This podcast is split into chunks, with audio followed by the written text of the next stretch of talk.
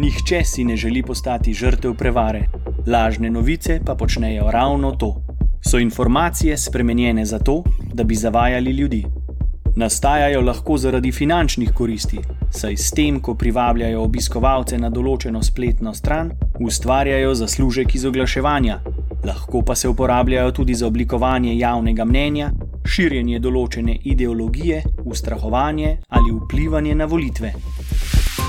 Poslušate program Boljša zakonodaja in v današnjem prispevku bomo govorili o tem, kako ugotovimo, ali je novica lažna.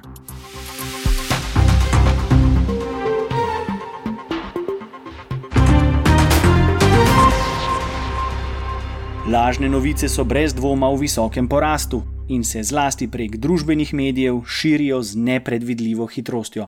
Postajajo eden resnejših problemov, saj več kot 80 odstotkov evropejcev meni, da škodujejo demokraciji. Težko jih je opaziti, s čimer imajo težave celo strokovnjaki za preverjanje dejstev. Vendar obstajajo ukrepi, s katerimi lahko pomagate prepoznati in ustaviti laži in dezinformacije.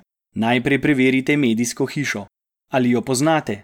Kdo je njen izdajatelj? Kdo jo financira? Preverite lahko tudi, kaj o novici poročajo drugi znani zanesljivi viri. Na to preverite avtorja novice. Ali ta oseba dejansko obstaja? Ocenjenem novinarju je mogoče najti podatke o njegovem dosedanjem delu. Preverite jih. Če si avtor svoje ime izmislil, je verjetno lažno tudi vse ostalo. Naslednja je na vrsti vsebina. Preverite dejstva in podatke.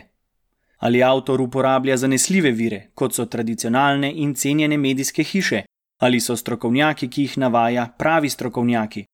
Sumničavi bodite tudi, če so v zgodbi navedeni anonimni viri. Morda najpomembnejši korak pa je, da ste proaktivni in preprečite širjenje lažnih novic. Zato pomislite, preden prispevek delite. Uporabniki, ki delijo novice v družbenih medijih, v šestih primerih od desetih namreč teh prej sploh ne preberejo. Naj vas ne zavedajo spektakularni naslovi, ki pritegnejo vašo pozornost. Preverite, ali so slike prirejene in lažne novice prijavite.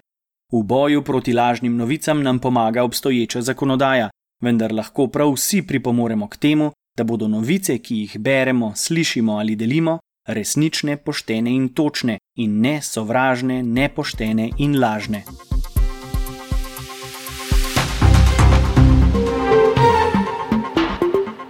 To je bil prispevek Evropskega parlamenta. Več informacij je na voljo na našem spletnem mestu Think Tank.